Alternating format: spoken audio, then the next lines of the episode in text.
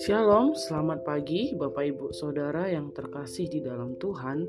Pada pagi hari ini kita akan mendengarkan renungan firman Tuhan yang terambil di dalam Yesaya pasal 33. Dengan perikop, Tuhan adalah penolong dan raja dari Sion. Celakalah engkau hai perusak yang tidak dirusak sendiri dan engkau hai penggarong yang tidak digarong sendiri. Apabila engkau selesai merusak, engkau sendiri akan dirusak. Apabila engkau habis menggarong, engkau sendiri akan digarong. Tuhan, kasihanilah kami. Engkau kami nanti-nantikan. Lindungilah kami setiap pagi dengan tanganmu. Ya, selamatkanlah kami di waktu kesesakan. Waktu mendengar suara gemuruh ketika engkau bangkit. Larilah bangsa-bangsa dan bertanya cerai berairlah suku-suku bangsa. Engkau mengumpulkan jarahan seperti belalang pelahap menelan makanannya. Mereka menyerbunya seperti serbuan kawanan belalang. Tuhan tinggi luhur sebab ia tinggal di tempat tinggi. Ia membuat Sion penuh keadilan dan kebenaran. Masa keamanan akan tiba bagimu. Kekayaan yang menyelamatkan adalah ialah hikmat dan pengetahuan. Takut akan Tuhan itulah harta benda Sion. Lihat orang-orang Aril menjerit di jalan. Utusan-utusan yang mencari damai menangis dengan pedih. Jalan-jalan raya menjadi sunyi dan seorang pun tiada lagi yang lintas di jalan. Perjanjian sudah diingkari, saksi-saksi sudah ditolak dan manusia tidak dihiraukan. Negeri berkabung dan merana, Libanon tersipu-sipu dan mati rebah. Saron sudah seperti padang belantara, Basan dan Karmel meluruh daun. Sekarang aku bangkit, firman Tuhan. Sekarang aku akan bangkit berdiri. Sekarang aku akan berdiri tegak. Kamu mengandung rumput kering dan melahirkan jerami. Amarahmu seperti api yang memakan kamu sendiri. Bangsa-bangsa akan dibakar menjadi kapur dan akan dibakar dengan api seperti semak duri yang ditebang Hai orang-orang yang jauh, dengarkanlah apa yang telah kulakukan. Hai orang-orang yang dekat, ketahuilah keperkasaanku. Orang-orang yang berdosa terkejut di Sion, orang-orang murtad diliputi kegentaran. Mereka berkata, "Siapakah di antara kita yang dapat tinggal dalam api yang menghabiskan ini? Siapakah di antara kita yang dapat tinggal di perapian yang abadi ini?" Orang yang hidup dalam kebenaran, yang berbicara dengan jujur dan menolak untung hasil pemerasan, yang mengebaskan tangannya supaya jangan menerima suap, yang menutup telinganya supaya jangan mendengarkan rencana penumpahan darah, yang menutup matanya supaya jangan melihat kejahatan. Dialah seperti orang yang tinggal aman di tempat-tempat tinggi. Bentengnya ialah kubu di atas batu, di atas bukit batu rotinya disediakan, air minumnya terjamin. Engkau akan memandang raja dalam semaraknya, akan melihat negeri yang terbentang jauh. Dalam hatimu engkau akan dalam hatimu engkau akan memikirkan kengerian yang sudah-sudah sudah lenyapkah juru hitung, sudah lenyapkah juru timbang, dan sudah lenyapkah orang yang menghitung menara-menara? Tidak lagi akan kau lihat bangsa yang biadab itu, bangsa yang logatnya samar sehingga tidak dapat dipahami dan bahasanya gagap sehingga tiada yang mengerti. Pandanglah Sion, kota pertemuan raya kita. Matamu akan melihat Yerusalem, tempat kediaman yang aman, kemah yang tidak berpindah-pindah, dan patoknya tidak dicabut untuk seterusnya, dan semua talinya tidak akan putus. Di situ kita akan melihat betapa mulia Tuhan kita, seperti tempat yang penuh dengan sungai dan aliran yang lebar, perahu dayung tidak melaluinya dan kapal besar tidak menyeberanginya. Sebab Tuhan ialah hakim kita. Tuhan ialah yang memberi hukum bagi kita. Tuhan ialah raja kita, dia akan menyelamatkan kita. Tali-talimu sudah kendor, tidak dapat mengikat teguh tiang layar di tempatnya. Tidak dapat membentang layar. Pada waktu itu orang akan membagi-bagikan rampasan banyak-banyak dan orang-orang lumpuh akan menjarah-jarahan. Tidak seorang pun yang tinggal di situ akan berkata, "Aku sakit," dan semua penduduknya akan diampuni kesalahannya. Yesaya menuliskan pasal 33 ini sedang menggambarkan bagaimana keadaan di ayat per, uh, di ayat awal dikatakan bagaimana keadaan bangsa itu penuh dengan kesesakan.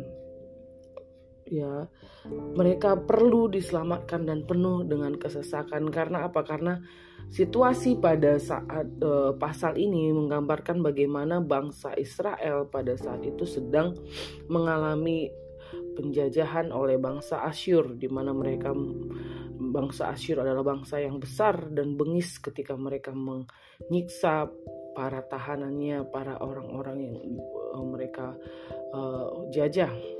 Jadi pada saat ini pada saat uh, pasal ini sebenarnya situasi bangsa itu sedang tidak nyaman, sedang tidak uh, uh, sedang tidak dalam keadaan baik-baik saja, justru mereka dalam keadaan yang penuh dengan kesesakan dan perlu diselamatkan. Jadi Yesaya menuliskan dan bahkan di, dalam ayat 2 dikatakan bagaimana Yesaya melayangkan doanya kepada Tuhan, meminta belas kasihan Tuhan, meminta perlindungan Tuhan bagi bangsanya. Ya, Bapak Ibu eh, di tengah-tengah kita mungkin pernah mengalami situasi-situasi yang menjepit kita, situasi-situasi yang membuat kita sesak, yang membuat kita susah untuk bernapas yang mungkin sampai ada di antar kita yang mungkin sampai susah tidur karena banyaknya masalah keadaan-keadaan yang membuat kita tidak nyaman, keadaan-keadaan yang membuat kita menderita.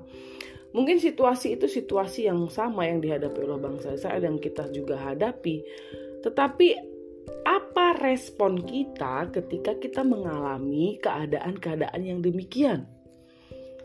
Ya, keadaan-keadaan yang demikian keadaan yang tidak menyenangkan ini keadaan yang tidak uh, nyaman ini keadaan menderita ini bagaimana respon kita menghadapinya apakah kita menjadi orang yang meresponi dengan mengeluh dengan mengatakan di mana Tuhan?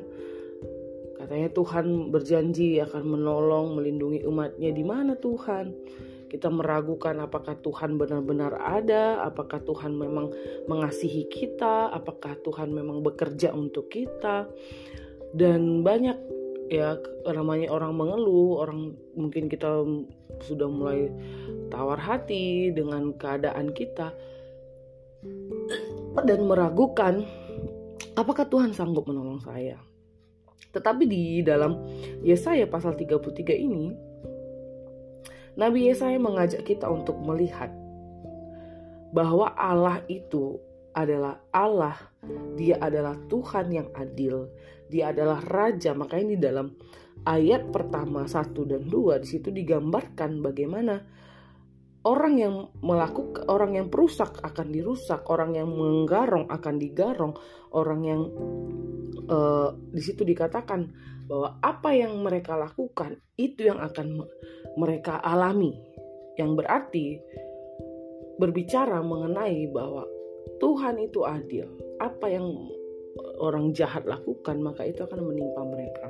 Jadi kita dan kebenarannya bagi kita karena Tuhan itu adil. Apa kebenaran yang kita lakukan, apa yang kita uh, lakukan dalam hidup kita dalam menghadapi penderitaan, kesesakan, itu akan menentukan apa yang akan kita terima ke depannya. Jadi jangan pernah putus harapan di dalam Tuhan. Jangan pernah tawar hati kepada Tuhan karena Tuhan itu adil. Menanti terwujudnya harapan bukanlah hal yang mudah. Ya, apalagi jika seseorang sedang berada di tengah ketidakpastian. Meski demikian, tidak sedikit juga orang yang rela menanti dan berharap di tengah ketidakpastian itu. Sebab mereka percaya bahwa penantiannya akan berujung dengan manis. Bangsa Israel sudah sampai pada puncak pengharapannya akan keselamatan dari Allah. Selama ini mereka hidup di dalam penderitaan dan penindasan. Tidak lama lagi mereka percaya bahwa mereka akan menyaksikan bagaimana janji Allah itu akan dinyatakan di dalam hidup mereka. Di dalam ayat 6 dikatakan bahwa masa keamanan akan tiba bagimu.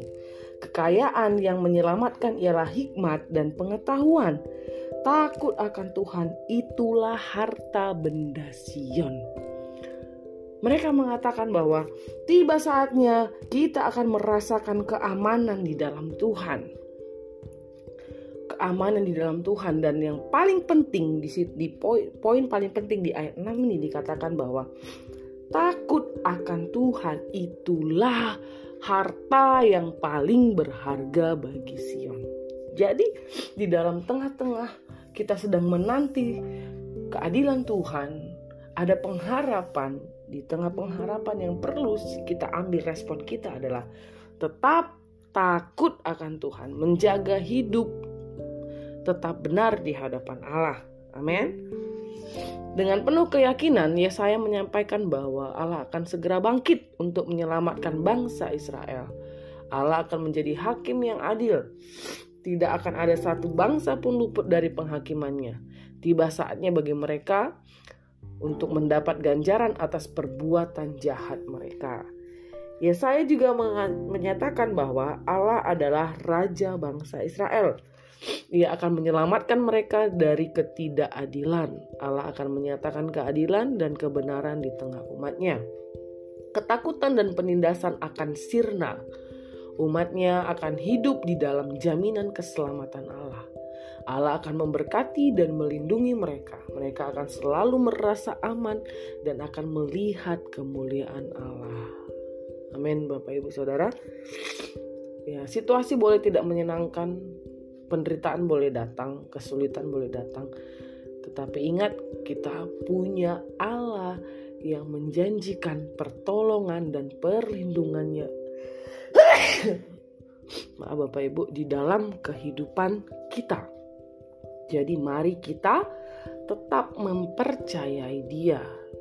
Datang kepadanya dengan penuh pengharapan dan ambil sikap. Aku mau mempercayai Allah, aku mau bergantung sepenuhnya kepada Allah dan katakan dengan iman bahwa tiba saatnya Allah akan memberikan keamanan, perlindungannya di dalam hidup kita. Amin Bapak Ibu Saudara. Jadi berpegang teguhlah kepada janji Allah percaya bahwa Allah akan menyatakan janjinya kepada kita anak-anak yang dikasihinya. Demikian renungan pada pagi hari ini kiranya ini memberkati kita semuanya. Mari kita berdoa.